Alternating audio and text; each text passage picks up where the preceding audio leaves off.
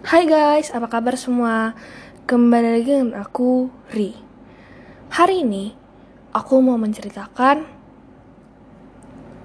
novel buku tentang Ayana yang berjudul Ayana Journey to Islam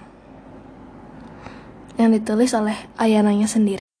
Ayana Jihyemun menjadi perhatian masyarakat Indonesia saat memberitakan tentang keislaman dirinya.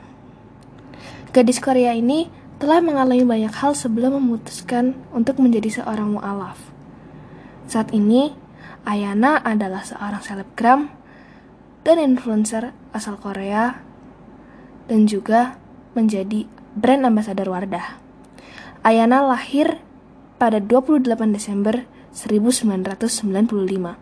Kini usianya 24 tahun. Setelah menjadi mu'alaf, ia mengalami beberapa kejadian menyedihkan. Salah satunya adalah keterbatasan finansial yang dialaminya. Ayahnya tidak terima Ayana masuk Islam diam-diam, sehingga menghentikan bantuan finansial untuknya. Selama satu tahun penuh, Ayana menyembunyikan kenyataan bahwa ia sudah menjadi seorang Muslim. Ayana tumbuh dalam keluarga yang ateis.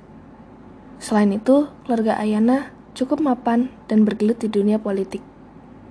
Selama ini, ia dibesarkan dalam keluarga demokratis. Jadi, ia kerap berdebat dan mempertanyakan hal-hal yang menarik minatnya. Ayana sudah lama menunjukkan ketertarikan tentang isu-isu Timur Tengah dan Islam. Keputusan Ayana untuk masuk Islam awalnya dimulai dari diskusi dengan kakek dan pamannya yang sering bercerita tentang Islam.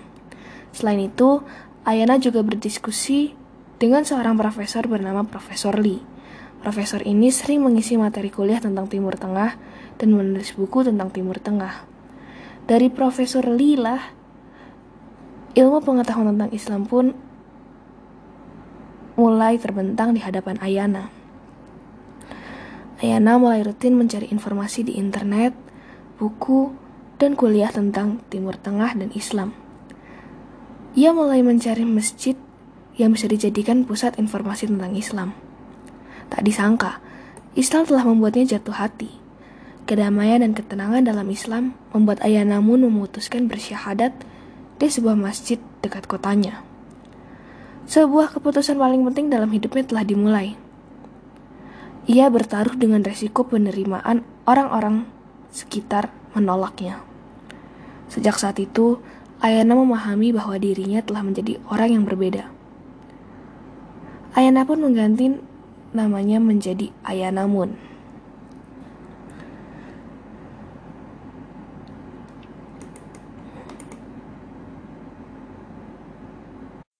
Saat Ayana Moon ingin memperdalam tentang Islam, ia mulai sibuk dengan rencana melanjutkan studi di Malaysia.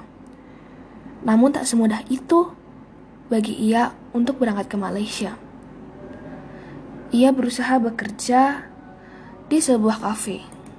Namun orang-orang sesama pegawai di kafenya selalu meremehkan Ayana yang terlahir dan tinggal di daerah Gangnam.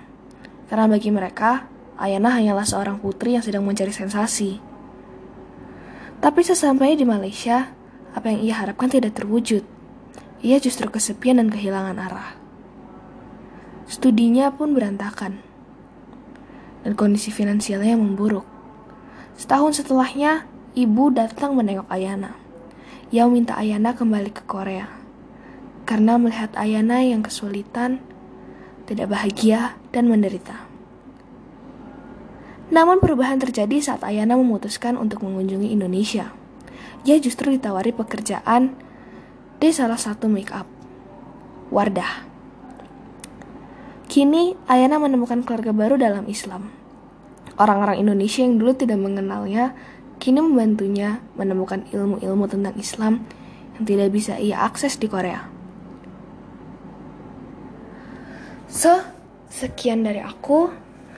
Menurut aku dari skala 1 sampai 10, buku ini tuh pantas dikasih buku 10 karena sebenarnya bukunya itu seru banget dan membangun kembali kesadaran kita para muslimin bahwa orang yang bukan Islam aja nyari jalan buat Islam, masa kita enggak?